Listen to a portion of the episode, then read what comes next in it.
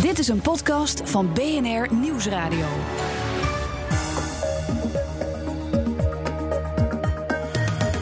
BNR Europa. Welkom bij deze speciale Europa-podcast van BNR Nieuwsradio. Vandaag gaan we in gesprek met jongeren over Europa en de Europese Unie. En daarom zijn we te gast op het Grotius College in Delft. Mijn naam is Bernard Hammelburg. Ik ben buitenlandcommentator van BNR Nieuwsradio. En ik presenteer een programma dat heet BNR De Wereld, één keer in de week. En naast mij staat onze Europa-expert, Jesse Pinster. Hij is regelmatig in Brussel en Straatsburg. En ook reist hij alle eurolanden met regelmaat uh, af. Uh, en volgt dus de Europese politiek op de voet. Normaal stellen wij vragen aan uh, gasten, maar vandaag draaien we het om. En kunnen jullie, de leerlingen van deze school, ons vragen stellen over Europa. Ofwel, dit is een soort Ask Me Anything. We zijn benieuwd naar jullie gedachten over Europa, waar het heen moet met de Unie en welke rol jullie daarin jezelf in de toekomst zien spelen. En we komen op het goede moment volgens mij, Bernard. Want ze zijn allemaal in Straatsburg geweest. Ik kom maar, nou, ik denk twee of drie keer per jaar. Dan verdwaal ik ergens in de gangen. En dan probeer ik zoveel mogelijk mensen daar te spreken. Maar ik ben heel benieuwd wat jullie daar nou gedaan hebben. En er staan al twee mensen achter de microfoon. Stel je even kort voor. En ik ben dus heel benieuwd wat je nou onthouden hebt. Wat is nou het belangrijkste wat je meegenomen hebt uit die reis? Ik ben Annabel en het belangrijkste wat ik mee heb genomen uit de reis is dat communicatie heel belangrijk is. En als we goed communiceren, dan komt uiteindelijk alles goed. Want wie vertelde dat dan? Uh, nou, waren gewoon een paar mensen in het Frans aan het praten en dat verstond niemand. Dus daarom. En dan had je van die koptelefoons op. En de vertalers waren, nou, niet per se goed. Nee? Nee. Zeg maar, dan was iemand vijf minuten aan het praten en dan kreeg je drie woorden. En daar moest je het mee doen. Ja. ja. En wat in het Nederlands dan? Of in, Uh, in het nee, Engels? Engels. Engels. Ja, je kon kiezen tussen Frans, Duits of Engels wat vertaald werd voor je. En bij jou? Oh, ik ben Emma en ik denk het belangrijkste wat ik mee heb gekregen... is dat heel veel mensen het heel belangrijk vinden dat het goed gaat met de Europese Unie. En dat we moeten voorkomen tot meer landen zoals Engeland uit de Europese Unie gaan. En dat de communicatie natuurlijk heel erg belangrijk is. En het luisteren ook naar jongeren, dat dat heel belangrijk is. Hoe oud zijn jullie, als ik mag Uh, vragen? ik ben 17. Ja? Ik ben 15. Oké. Wie heeft het georganiseerd? Wat waren je ervaringen? Wat vond je vreemd, opmerkelijk, wonderlijk of juist heel geruststellend? Het maakt niet uit. Vertel. Wat me opviel is dat het gewoon een heel groot gebouw is, wat ik niet had verwacht. En dat de plenaire zaal ook heel erg groot is als je daar eenmaal zit. Ja, er moet ook een enorme hoop eh, parlementariërs in, hè? Ja, 751, als ik me niet 751. vergis. En dat telt de voorzitter mee. Ja. En waarom Straatsburg en niet Brussel? Want daar zitten ze veel vaker. Weet je dat? Enig idee? ik denk dat gewoon Euroscola had besloten dat het in Straatsburg was. Wat, wat is dat precies, Euroscola? Nou, het idee is dus dat je wordt onderverdeeld in onderwerpen. Ik had dan bijvoorbeeld youth employment. En dan zoek je zelf informatie op over youth employment. En wat er dus mee te maken heeft, dus eh, bijvoorbeeld wat kunnen we doen tot meer jongeren banen krijgen. En er zijn dus allemaal verschillende thema's waar je dus in groepen wordt verdeeld met allemaal kinderen uit allemaal andere landen. Die het ook heel erg belangrijk vinden om daarover te praten. En dan bedenk je eigenlijk oplossingen. En die, uiteindelijk presenteer je die dan in de plenaire zaal. En dan mag je dus stemmen of je het eens bent met deze oplossingen of niet. Dus dat is, vind ik wel heel fijn. Want dan heb je wel het gevoel dat je inspraak hebt op iets wat voor jou ook heel belangrijk is. Ja. Wel- wel- Welke oplossing heb jij aangedragen? Eh, nou, wij hadden voor een van de problemen die dus is bij youth unemployment, is tot eh, de dingen die wij leren zijn niet de dingen die werknemers graag willen. Dus wat belangrijk was voor ons is dat je leert om bijvoorbeeld een cv te schrijven of hoe je goed op een interview, eh, hoe je een goed interview houdt. Want dat zijn dingen die we eigenlijk niet op school leren, maar toch wel belangrijk zijn als je een baan wil. Dus ik sprak dus met een meisje uit Engeland die al twee maanden op zoek is naar een bijbaantje, maar ze heeft nog steeds geen bijbaantje. Dus ze zei, ja, als ik dit soort dingen leer, heb ik een grotere kans om een bijbaantje te krijgen. Dus ik denk eh, dat dat zeker een oplossing is waar we naar moeten kijken. Een hele praktische oplossing. Ja, ik, ik wou toch nog even terugkomen, want ik stel de vraag niet voor niks. Waarom nou Straatsburg en niet Brussel? Want Jesse, hoe zit het ook weer? Dat parlement dat reist maar heen en weer tussen twee zalen. Ja, dat willen de Fransen graag zo. Het is ooit afgesproken dat dat moet gebeuren. Ze gaan bijna iedere maand een keer uh, naar Straatsburg. Terwijl ze inderdaad alle andere vergaderingen in Brussel doen. En eigenlijk iedere Europarlementariër die ik spreek... zegt ook, we willen er dolgraag vanaf. Het is gewoon een circus werkelijk. Het verhuist allemaal voor die ene week daar. En dan probeer ik een hotel daar te boeken. Dan is dat ontzettend duur, omdat alles vol zit.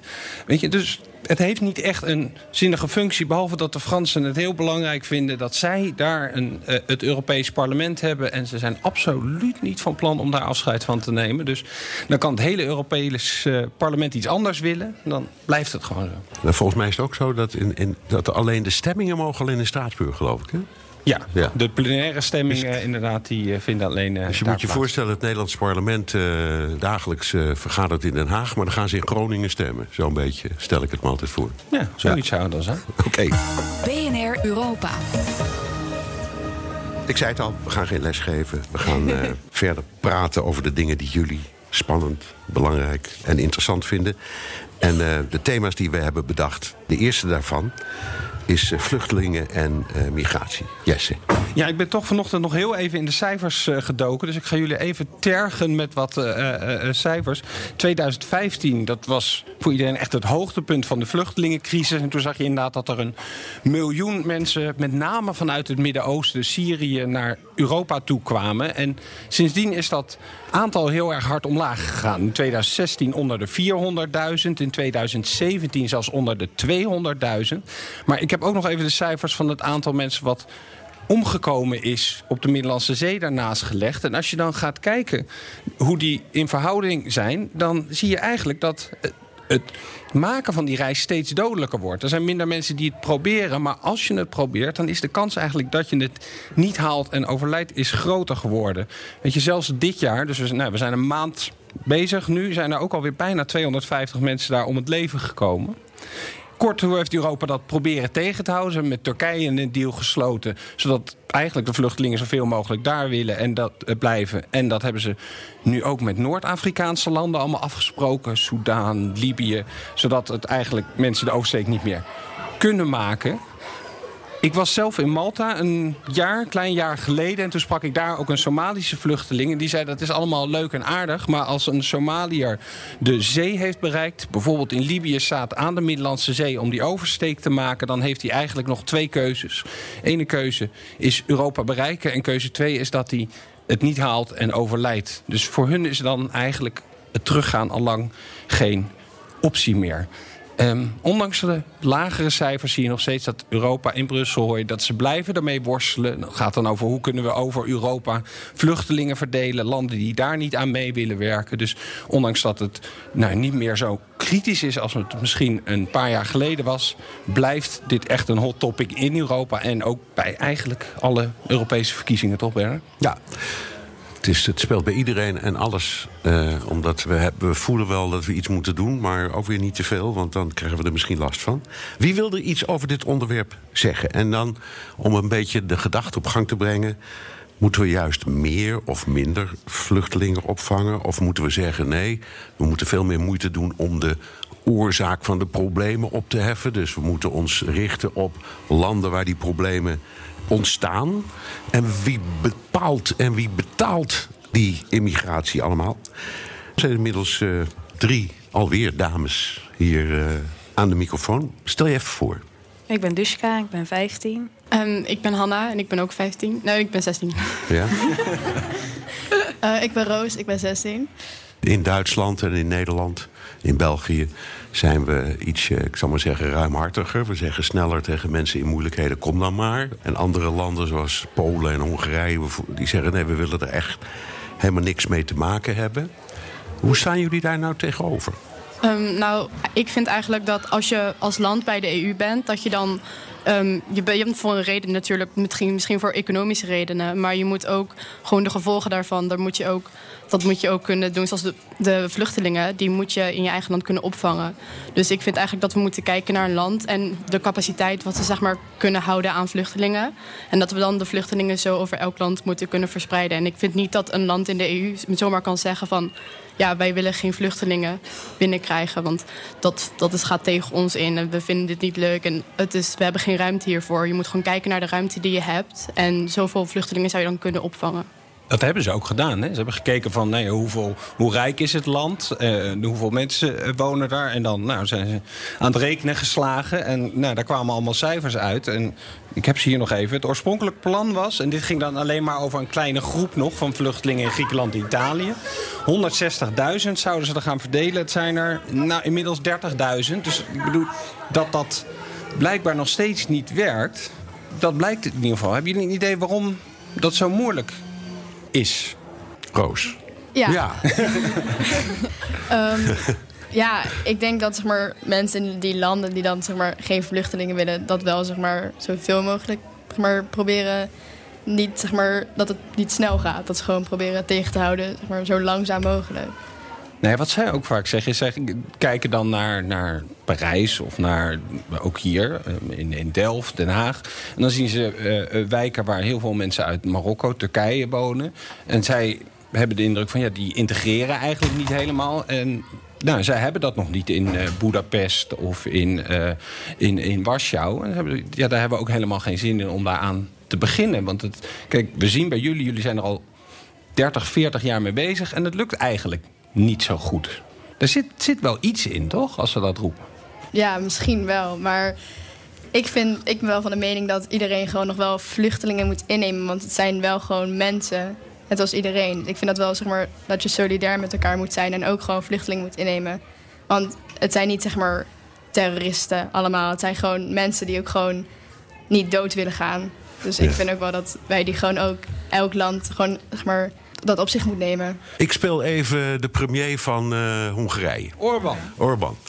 En dan zeg ik tegen jou, jij bent daarvoor hè, dat vluchtelingen worden verdeeld over Europa. Dus ga ik tegen jou het volgende zeggen. Um, jullie hebben wat wij noemen parallelle samenlevingen. Dus je hebt keurige nette, ik zal maar zeggen, blanke nette Nederlandse wijken. En daarnaast, wat Jesse net ook al zei, allemaal van die gebieden zoals rondom Parijs en Amsterdam heb je het probleem. Den Haag in Delft ongetwijfeld ook. Uh, en daar gaat het eigenlijk niet goed, want daar blijven die mensen op kluitje bij elkaar. Die hebben hun eigen samenleving, dat ontwricht het geel. Dat willen we niet. We willen geen parallele samenleving. Dat zeg ik tegen jou als premier van uh, Hongarije. Wat, ga je dan tegen, wat zeg je terug? Nou ja, ik, daar hebben we het ook over in Straatsburg over gehad. Dat het probleem vooral ligt bij integratie en niet de immigratie zelf. Dus dat het inderdaad gaat om uh, dat ze heel erg aan hun eigen cultuur bijvoorbeeld vasthouden. En daardoor uh, dan voor bijvoorbeeld Nederlanders of Hongaren zeg maar het gevoel hebben dat ze daar niet thuis horen. En dat ze maar gewoon komen voor het geld of zo. Um, dus dat het echt bij de integratie ligt en het overnemen. Ik, ik ben nog steeds Orbán, hè? Dat kan, je, uh, dat kan je nou wel zeggen, maar die mensen willen hier helemaal niet, joh. Die willen naar Duitsland en die willen naar Nederland. Die willen helemaal niet naar Hongarije. Dus wat zul je nou in mijn hoofd? Tja. Um... Ja, dat is wel lastig, hè? Ja, wij zitten, ja. Jess en ik zitten over deze vraag heel vaak, vaak na te denken. Wij weten hem ook niet, hoor. Ik heb er ook nog steeds geen antwoord op. Nee. Ze, ja, ze hebben dan komen ze met ideeën als dan, dan, dan, dat ze het af moeten kopen. Dus dat de Hongaren dan per vluchteling die ze niet op willen nemen... gaan betalen, zodat we de integratie hier in Nederland kunnen doen. Maar dat, ja, dat komt ook niet van de grond. En je ziet dus steeds meer dat ze de oplossing zoeken in... gewoon zorgen dat die vluchtelingen daar niet meer komen. En het verschil met 2015 en nu is natuurlijk dat er toen heel veel Syriërs waren... die echt uit een oorlogsgebied kwamen. En dat veel vluchtelingen die nu Europa proberen te bereiken uit Afrika komen... en niet altijd het oorlogsgebied, dus een economische reden hebben om te doen. Dus dan is het idee, nou ja, als we maar zorgen dat Afrika zich ontwikkelt... en die mensen daar willen blijven, dan komen ze niet meer naar ons toe. Is dat volgens jullie ook een goed nee. idee om, om het maar op die manier aan te pakken? Ja, ik zat zelf ook te denken. Ik vind het heel raar dat als we het dan over een vluchtelingendiscussie hebben, dat het dan altijd gaat om. Ja, dit land wil geen vluchteling innemen. Of ze willen maar heel weinig. Of ze willen dit niet. Terwijl waarom wordt alleen maar gepraat over het vluchtelingen innemen? Want volgens mij is het helemaal niet de bedoeling dat we allemaal mensen van een heel groot continent allemaal naar de andere kant van de wereld verplaatsen. Ik denk dat er dan eerder moet gekeken worden naar hoe we de problemen um, waar ze worden gecreëerd kunnen oplossen. En dat duurt natuurlijk veel langer. Dus op korte termijn is het handiger om die mensen maar allemaal gewoon hierheen te laten komen, zodat ze tenminste veilig zijn. Maar ik denk niet dat dat een goede oplossing is, zeg maar, op lange termijn. Nou, dankjewel. Ja. Ik ben blij dat we het hele vluchtelingenprobleem in één keer hebben opgelost met z'n allen. Had, had, iemand er nog een vraag over van jullie? Hoeft niet, mag wel. We hebben het echt opgelost. Ja, we hebben het opgelost. Oké, gaan we naar het tweede onderwerp. BNR Europa.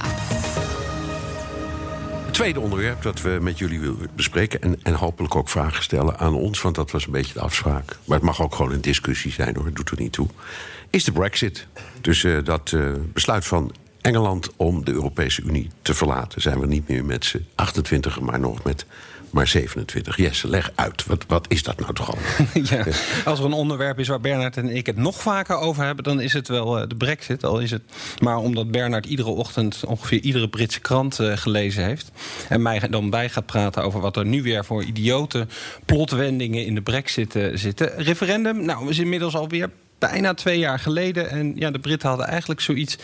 wij moeten controle terugnemen. En dan denken ze daar vooral aan hun grenzen. Dus migratie wederom uh, tegen te houden. Maar ook gewoon, ja, zij betalen aan Brussel. Dus als ze dat geld zelf hebben... dan kunnen ze de gezondheidszorg daarmee beter in gaan richten. Dat gaat trouwens dramatisch op dit moment. En ze willen ook niet dat er een paar rechters in Luxemburg zitten... die gaan zeggen van zo en zo moet je het maar eens gaan regelen. Nou, er waren blijkbaar net genoeg Britten die het daarmee eens waren. Dus nu zit zitten we in een gigantisch complex onderhandelingsproces waarin ze proberen dat op te lossen. Want het is natuurlijk nog nooit gebeurd. Er is nog nooit een Europees land uit de Europese Unie gestapt. En als ik in Brussel rondloop, dan spreek je diplomaten aan en die zitten echt werkelijk met hun handen in het haar en denken van dit is bijna niet te doen. Dus ze hebben gezegd ja, dit gaan we in twee jaar regelen. Nou, dat, als je ze zeg maar off the record spreekt, dan zeggen ze dat is allemaal totaal niet haalbaar. En dat Deels is het probleem in Londen dat ze daar gewoon nou, heel erg verdeeld zijn over welke kant willen ze nou eigenlijk op met die hele brexit. Maar er zijn ook aan de Europese kant echt wel problemen.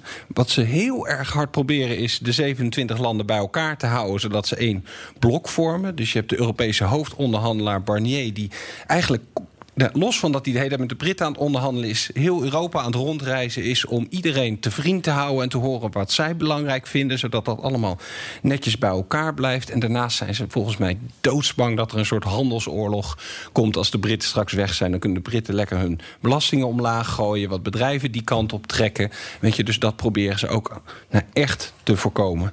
Dit gaat echt nog jaren duren voordat ze hier uitkomen. Ja. En even wat mij opvalt in al die Britse kranten... is dat het gaat niet om uh, Syriërs, het gaat om Europeanen. Het gaat om dus Poolse loodgieters. Ja, ja, ja. ja, ja. De, de, de, meest gesproken taal in Engeland en Wales is... Hoe heet jij? Steven. Steven, wat denk je? Wat is de meest gesproken taal in Engeland en Wales? Engels. Tweede. En daarna? Geen idee. Nee? Maar ja, dan denk je Arabisch of Urdu of Hindi... want er wonen heel veel mensen uit India ja, en Pakistan. Maar dat is niet zo, het is Pools. Dus die Britten die zeiden al jaren... we worden hier overstroomd door mensen uit Europa. Dat was een van de redenen waarom ze zo zenuwachtig waren... en zeiden ons eiland wordt bezet door uh, buitenlanders. Wat was je naam ook weer? Ik ben Annabel. En jij? Uh, ik ben Xie. Oké, okay. ik ga je een vraagje voorleggen... en dan kom naar ons toe terug met jouw vragen, opmerkingen, ideeën. Uh, zou Nederland hetzelfde moeten doen? Er wordt heel veel over gepraat. Hè? De nexit noemen ze dan. Of zouden we beter toch in die EU kunnen blijven? Betekent nou die brexit dat we minder makkelijk naar uh, Londen kunnen... als we dat zouden willen? Stel je vraag, ik ben benieuwd. Ga je gang. Ik vind dat uh, Nederland gewoon in de EU moet blijven. Dat ook heel veel economische voordelen heeft. En als een klein land in de wereld kan je niks. En naast al die andere wereldmachten. Dus daarom is het heel belangrijk dat wij in de Europese Unie blijven. Zodat wij nog met China kunnen concurreren. En Rusland en Amerika. Want anders kan dat gewoon niet. Nee. En jij, hoe sta je er tegenover? Ja. Of wat valt je op of lastig? Of hoe denk jij over zoiets als... ja, er is toch misschien te veel zeggenschap, controle vanuit dat Brussel. Wij voelen ons ook niet meer helemaal senang als onafhankelijk land. Hoe sta je er tegenover? Nou ja, ik uh, ben het eens met Annabel. Ik uh, vind het geen goed idee om uit de Europese Unie te gaan. Ik denk ook vooral dat als we het zouden doen... een soort een, uh, impulsieve beslissing zou zijn... En dat er daar heel erg wordt op uh, ingespeeld. Uh, dus dan, uh, ja, dan zouden we, zou het beter zijn. Maar als je het uiteindelijk echt gaat doorrekenen... dan blijkt het meestal, geloof ik, niet goed uit te pakken. Het is een van de moeilijkste dingen. Wat, wat kost het en wat levert het op? Want ik hoor altijd, Nederland is een netto betaler aan de Europese Unie. Ja, maar als handelsland, ik, ik denk dat ik het met hen eens ben hoor. Ja? Dat, dat als handelsland wij toch echt wel heel erg gebaat zijn bij dat je eh, nou ja, vrij makkelijk even naar Duitsland goederen kan doorvoeren of naar de andere kant. En weet je, dat is het interessante aan de Brexit. Dat we nu ineens een case hebben om, waarin we kunnen zien wat er nou werkelijk ineens gaat gebeuren als je eruit stapt. Wat gebeurt er met alle dingen die we vanuit Groot-Brittannië doorvoeren naar de rest van Europa? Dat is nu nog niet allemaal duidelijk, maar weet je, over een paar jaar wordt dat wel duidelijk. Dus ik ben heel benieuwd hoe dat er dan uit gaat zien. Ik zie, er zijn eh, ook in dit land partijen, politieke partijen, die zeggen: we vinden dat Europa eigenlijk niks. Eh, Forum voor Democratie, de PVV. SP. Tot, tot op zekere hoogte de SP. Er zijn ook bij de VVD wel mensen die roepen: nou, het mag wel een tandje lager. Ben je het met die mensen eens of niet? Mm, nou ja, als we naar kijken hoe erg Nederland een handelsland is, dan ben ik er niet mee eens. Want zeg maar, dat is wel een van de belangrijke dingen. En dat is ook waardoor Europa ook een beetje ontstaat om unity. En zeg maar dat we dan als één staan en dat alles dan veel makkelijker is voor elk land. Dus ik ben er niet mee eens. Nee. En, en los van, van de handel. Want ja, je dat ziet ook op. Jullie, dat vind ik interessant en ook heel verstandig hoor. Jullie hebben het allemaal voornamelijk over de handelsbetrekkingen. Want ja, daar, daar leven we van. Maar er is meer dan dat. Want je hebt de Europese Commissie die wil ook graag op, op het sociale gebied willen ze van alles betekenen. En eh, eh, daar toch ook wat meer invloed hebben. Weet je, is dat nou wel eigenlijk zo'n goed idee? Weet je, die handelsdingen, dat hebben we eigenlijk al geregeld. Weet je, dan kan je ook zeggen van nou, dan kunnen we het voor de rest eh, gewoon rustig beheren zoals het nu is. En niet nog proberen nog allemaal nieuwe dingen daarbij te verzinnen in, eh, in Brussel. Nou ja, waarom niet? Ja, je denkt Waarom- als we kunnen het beter regelen daar dan, dan Ja, we dat hier in ja, Den als het kunnen goed, doen. eh, als ze het goed regelen, waarom zouden zij het dan niet doen? Nou goed, ik noem nog maar wat. Ook daar hebben wij het vaak over. Omdat de, de Europese Unie is eh, steeds maar is uitgebreid. Steeds maar landen erbij. Is er een, een, een afspraak gemaakt dat elk land dat, dat lid wordt... dat krijgt een, een commissaris in de Europese Commissie. Dus zeg maar een missie, een minister in de Europese regering. Als je het zo wil noemen. Dat zijn er dus nu 28, binnenkort 27. Er zijn bijna 800 parlementariërs. Dat kost allemaal goud geld. Wat hebben we eraan? Nou, dat ieder land één vertegenwoordiger heeft. Dus als je niet zo'n beslissing maakt waar een ander land helemaal niet mee eens is, dan ben je nog steeds zeg maar een unity. Er Ja. zitten, er zitten hele zielige portefeuilles tussen hoor. Dan kom ik een eurocommissaris tegen waar ik nog nooit van gehoord heb. Die, die mag iets, heeft iets te zeggen over een terrein waar Brussel eigenlijk niks over te zeggen heeft. Weet je, dat denken ze dan wel. Weet je, dus er zijn eigenlijk een stuk of, nou, wat ze zijn, een stuk of zeven, misschien acht, die hebben echt iets te doen. En die anderen, ja, dat is, zijn een soort vertegenwoordigers eigenlijk meer. Ja. Ik denk dan wel eens van. Maar goed, nou, dit, dit minder. argument dat, dat zo'n land dan toch vertegenwoordigd is in. eh, dat vind ik ook wel een goeie. Nee, dat is ook waarom het zo is als het is. Ja.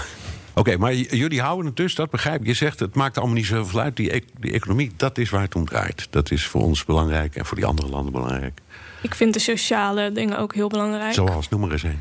Eh, nou, gewoon dat we kunnen zeggen wat we willen, we kunnen doen wat we willen. En dat de EU zorgt dat de rule of law in elk land blijft.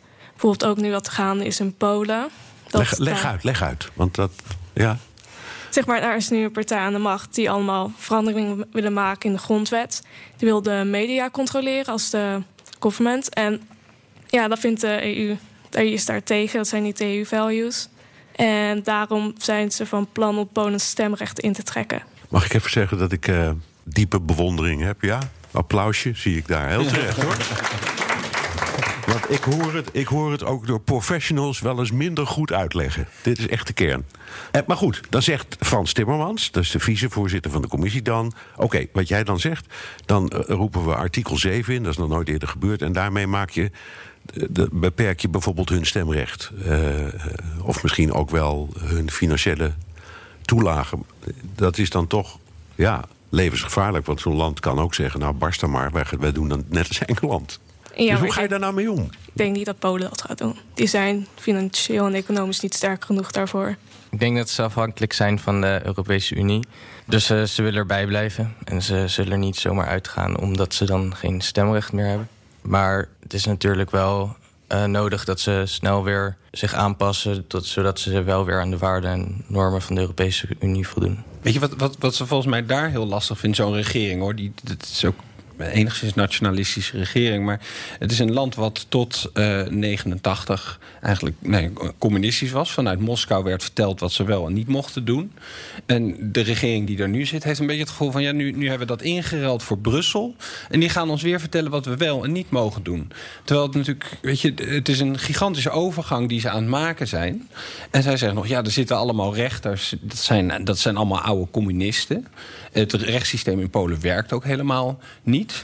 Weet je, dat is even een andere, andere kant dan de media hoor. Weet je, daar, daar heb ik ook het gevoel dat ze wat vergen. Maar ja, er valt iets voor te zeggen dat zo'n land zijn eigen tempo daarin heeft. En het ook heel vervelend is, weet je, hier, ik weet dat politici in Den Haag ook niet graag horen dat Brussel ze gaat vertellen hoe en wat ze moeten doen.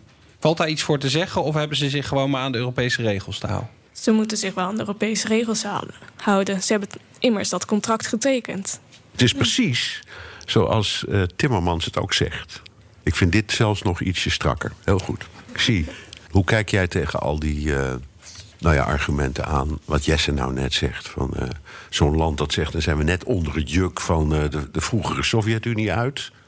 En nou zitten we onder het juk van die onbetrouwbare club in Brussel. Nou, uit, uit de brand ben je. De Sovjet-Unie en de EU is iets heel anders. De EU die zorgt juist voor dat je vrijheid hebt, alleen dan weggelegd in wetten. En de Sovjet-Unie die gaf je geen vrijheid en die had overal politie en andere mensen die zorgden dat jij deed wat je moest doen. Ja, ik ging wel erg kort door de bocht. Dat besef ik me nu ook. Ja. Terecht dat je me daar even op terugverlangt. Heb je nog over de, over de brexit? Want daar begonnen we eh, over. Dat je dingen ziet en denkt van... ik snap helemaal niet wat ze nou daar eigenlijk aan het uitspoken zijn... met die onderhandeling. Denken jullie dat de brexit goed gaat uitpakken? Voor wie? Voor uh, Engeland. Um, nee, het gaat zo in ieder geval uh, geld kosten. En um, ja, ze, ze, geloven er ergens nog wel in dat ze dan hun handen vrij hebben om het allemaal zelf te gaan regelen. Maar als ik zie hoe dat vanuit Brussel nu deze strijd uitgevochten wordt, proberen ze de Britten zeg maar, eigenlijk zo kort te houden dat ze die vrijheid eigenlijk nog steeds niet krijgen. Dus ik, ja, ik, ik vrees dat het ze niet, eh, eh, niet veel gaat opleveren. Maar volgens mij denkt Bernard daar iets, ietsje anders over dan ik. Nou, ik, ik, ik spreek het helemaal niet tegen. Maar ik denk dat de Britten er uh, naar streven om het bewust stuk te laten lopen. Die onderhandelingen. Omdat ze denken, dan zijn we vrij. Dan, dan treedt dat uittredingsverdrag automatisch in werking. Klaar, zijn we er gewoon uit. En dan gaan we lekker aan de slag. Dan gaan we grote handelsakkoorden sluiten met Amerika, met China, met India, met de Afrikaanse landen. En misschien individueel ook wel weer met Europese landen of alsnog met Europa. Maar wij zijn, ze zijn nu de vijfde economie ter wereld of zo. Dus uh, ik denk dus dat ze uit zijn op een bewuste breuk. In de hoop dat ze daar uiteindelijk goed mee wegkomen. Ik denk niet dat dat waar is dat, dat ze er goed mee wegkomen. Maar ik denk wel dat ze dat zo voelen. Kamikaze-strategie. Kamikaze-strategie, ja. Maar uh, ik, ik, weet het ook niet. Ik zit er niet bij. Maar dat, als ik die Britse kranten lees, en ik kom, ik kom ook nog wel vaak in Londen... dan is dat toch het gevoel dat ik van heel veel mensen krijg. Zoek het eens uit, AEU. Wij, wij gaan het zelf regelen. Oké, nou, ja. Dank voor... Uh...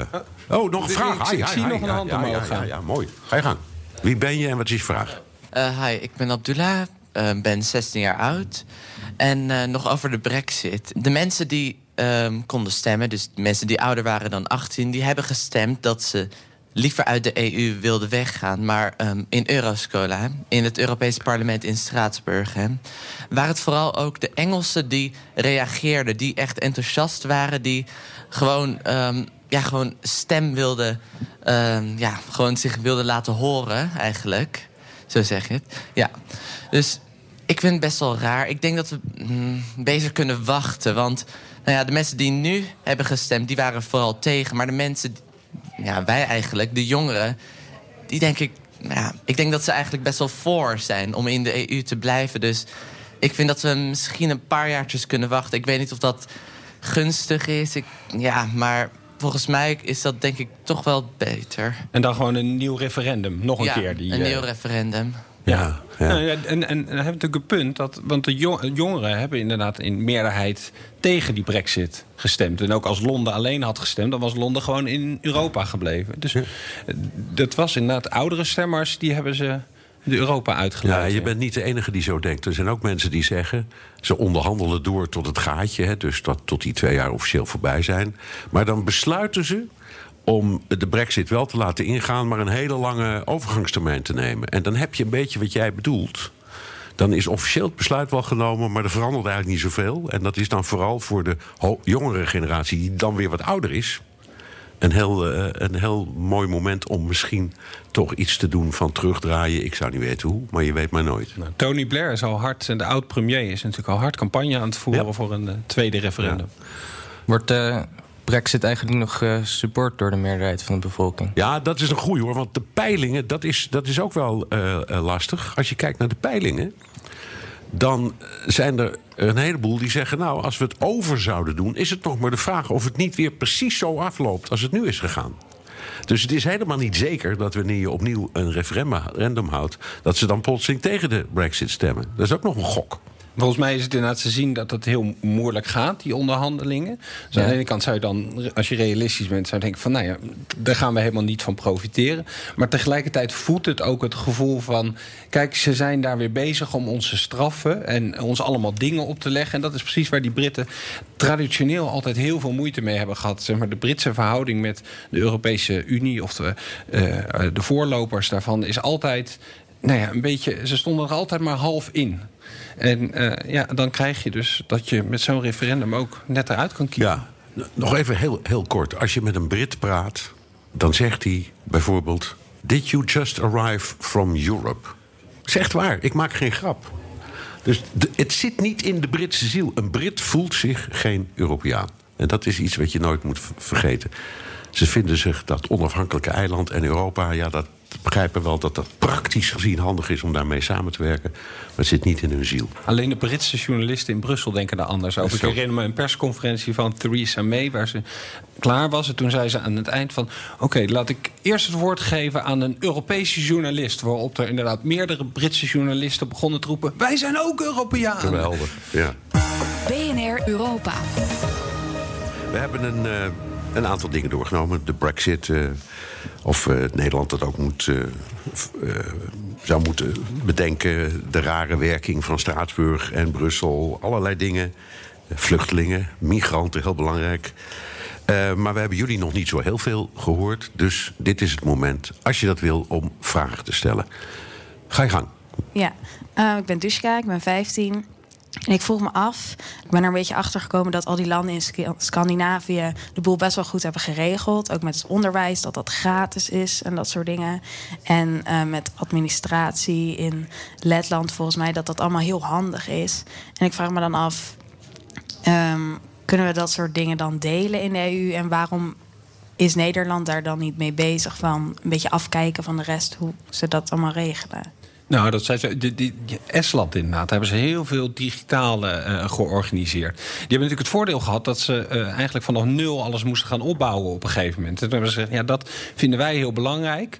En de, de, de, belangrijkste reden waarom zij op digitaal gebied zo hard zijn gegaan, is dat zij op een gegeven moment ook onder vuur lagen vanuit uh, Moskou wederom. Dat daar een hele grote hek gaande was. Dat de Rus Russische hackers eigenlijk de hele overheid stil hadden gelegd. Dus dat is iets van we moeten veel sneller stappen maken om te zorgen dat dat niet nog een keer kan gebeuren. Nou is Estland net uh, geen voorzitter van de Europese Unie meer. Die zijn het afgelopen het laatste half jaar van 2017 uh, geweest. En die hebben heel veel werk gemaakt van inderdaad, kijk wat wij allemaal te bieden hebben.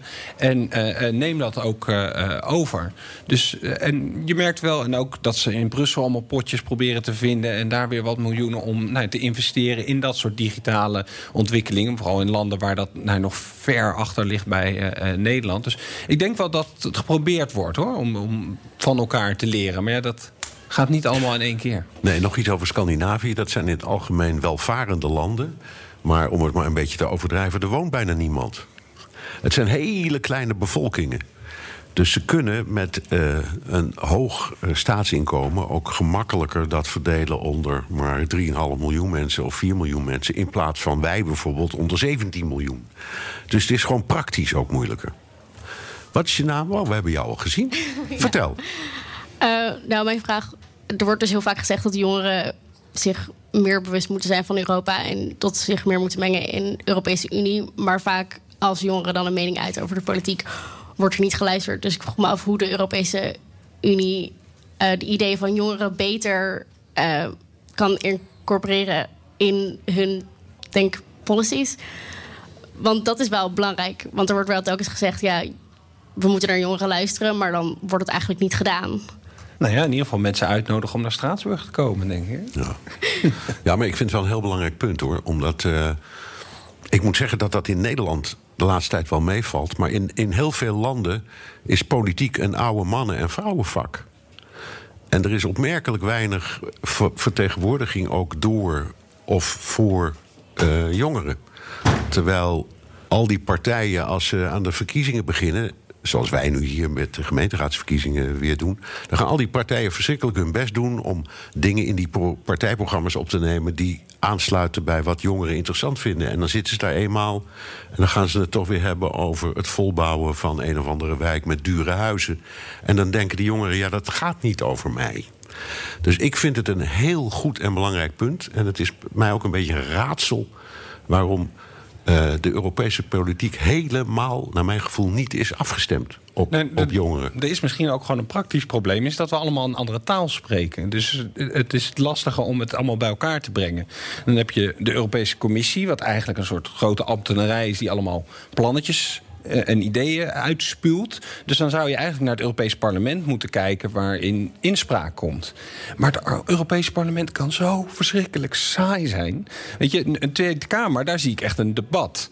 Europees parlement, dan krijgt iedereen één minuut en dan mogen ze wat zeggen. En uh, dan moet je een, een kaart ophouden als je een vraag wil stellen. En dan zegt de voorzitter nog steeds heel vaak hebben we geen tijd voor. Er komen nog zoveel sprekers, dus die vragen die gaan we niet doen. Dus er ontstaat daar ook niet echt een debat op dat moment. En, weet je, dus... Geen, er zit niet bepaald dynamiek in. En bovendien, ze mogen, ze mogen ook bijna niks. Ze mogen de begroting goed of afkeuren. Ze mogen de commissie goed of afkeuren. Nou, ze mogen steeds weer iets, ietsje meer, maar, maar ze het houdt nog niet over. Nee, maar ze kunnen niet komen met een initiatiefwet die helemaal gericht is op uh, de verbetering en uh, vereenvoudiging, goedkoper maken van het onderwijs. Dat, dat, kan, dat kunnen ze niet doen. Nee.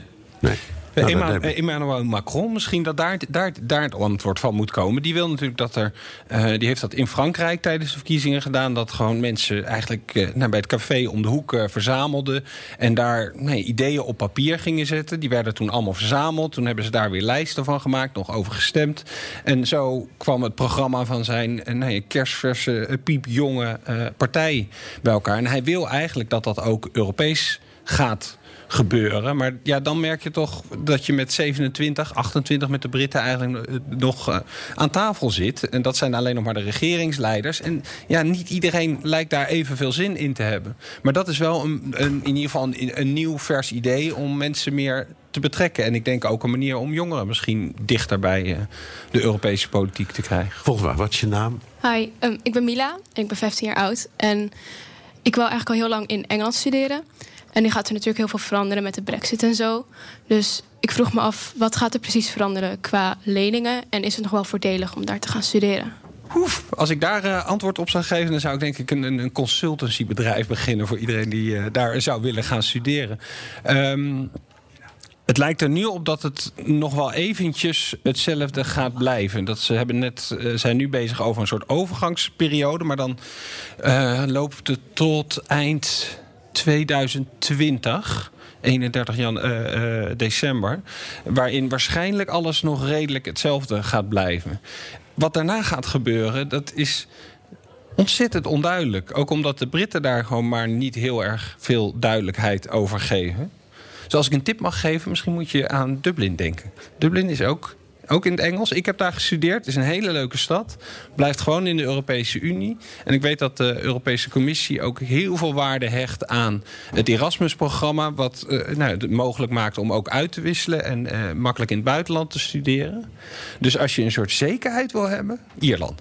Ik, ik zelf, maar het is alleen maar een idee. Heb het, het gaat nu, de discussie gaat vooral om mensen, om Europeanen die in Groot-Brittannië wonen en Britten die op het vasteland wonen.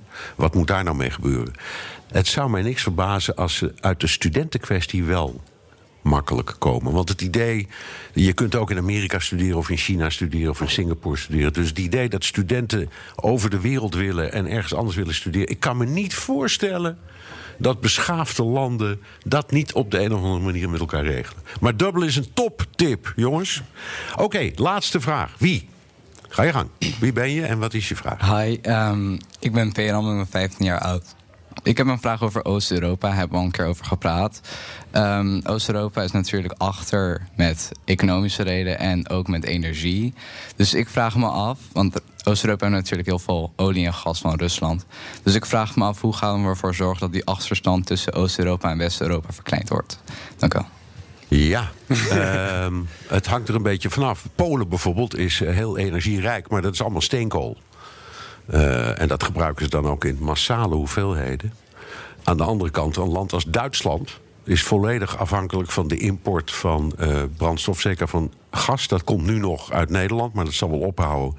Maar ook voor een groot deel uit Rusland. Dus het is niet helemaal zo'n soort rechte scheidslijn. Uh, energieafhankelijkheid, denk ik, wordt opgelost buiten alle normale politieke denkframes om. Want het moet komen uit maar een paar landen die het kunnen leveren. En dat zijn Rusland, uh, de Verenigde Staten, die tegenwoordig bulken in het gas en dat graag willen exporteren. Uh, en dan heb je denk ja, en Venezuela en dat soort landen, Canada, Noorwegen. Maar dan heb je het gehad. Dus die, die afhankelijkheid is niet, zo, denk is niet echt iets wat de, de, de Europese Unie uh, in de war brengt. Wel voor zover het milieukwesties betreft. Dus uh, al die klimaatdoelstellingen die Europa gezamenlijk heeft aangenomen, daar speelt dat wel enorm. Want hoe krijg je dat voor elkaar? Ik denk dat uiteindelijk de, de onafhankelijkheid, de afhankelijkheid van energie misschien niet de belangrijkste stap is naar ontwikkeling van Oost-Europa. Je ziet natuurlijk nu al dat er cohesiefondsen zijn. Dus nee, zelfs als je door Spanje of Portugal rijdt, dan moet je maar eens langs de snelweg kijken. Dan zie je af en toe zo'n bord van uh, nou, dit stuk asfalt is met, mede met Europees geld aangelegd. Weet je, dat zijn natuurlijk stapjes om ze dichterbij te krijgen. Wil je dat dat heel veel sneller gaat? Dan moet je ook zeggen van ja, dan moeten we er misschien veel meer geld voor vrij gaan maken. Ja, en dan loop je toch tegen allemaal politieke barrières aan. Dat Nederland, Duitsland, landen die nu netto al geld overmaken naar Brussel, zodat dat deels die kant op kan gaan, gewoon geen zin hebben om dat nog meer over te gaan maken. Omdat ze dat politiek gezien thuis niet zo makkelijk kunnen verkopen. Rutte kan niet hier gaan staan en zeggen... jongens, ja, we, gaan, we bedachten we gaan twee keer zoveel aan uh, Brussel overmaken... want het is tijd dat Oost-Europa ook een beetje meekomt. Dat is natuurlijk een, een heel mooi idee om dat misschien te doen. Maar politiek zou het voor Mark Rutte, denk ik... Nou, politieke zelfmoord zou het ongeveer zijn. Dus dat is een barrière waar je dan tegenaan loopt. En ik bedoel, als je naar de groeicijfers van Polen kijkt, weet je, ze maken wel flinke stappen. Poolse, weet je, je hebt natuurlijk heel veel Polen die in West-Europa gaan werken, maar dat worden er steeds minder. Je hebt heel veel mensen uit Oekraïne moeten naar Polen komen om daar landbouw te doen. En er zijn uh, steeds minder Polen die het zware werk. Dan denk ik, als je bijvoorbeeld sla gaat plukken hier in het, uh, in het Westland, dan zit je de hele dag op je knieën die sna. Daarvoor moeten ze nu al naar arme gebieden in Roemenië of naar Letland om daar mensen voor te vinden, omdat Polen eigenlijk daar niet zo'n zin meer in hebben. Dus weet je, het, het heeft misschien ook gewoon wat tijd nodig en die stappen worden wel gezet. Oké, nou, dat was onze speciale BNR-podcast over Europa. Heel erg bedankt voor jullie vragen. Uh,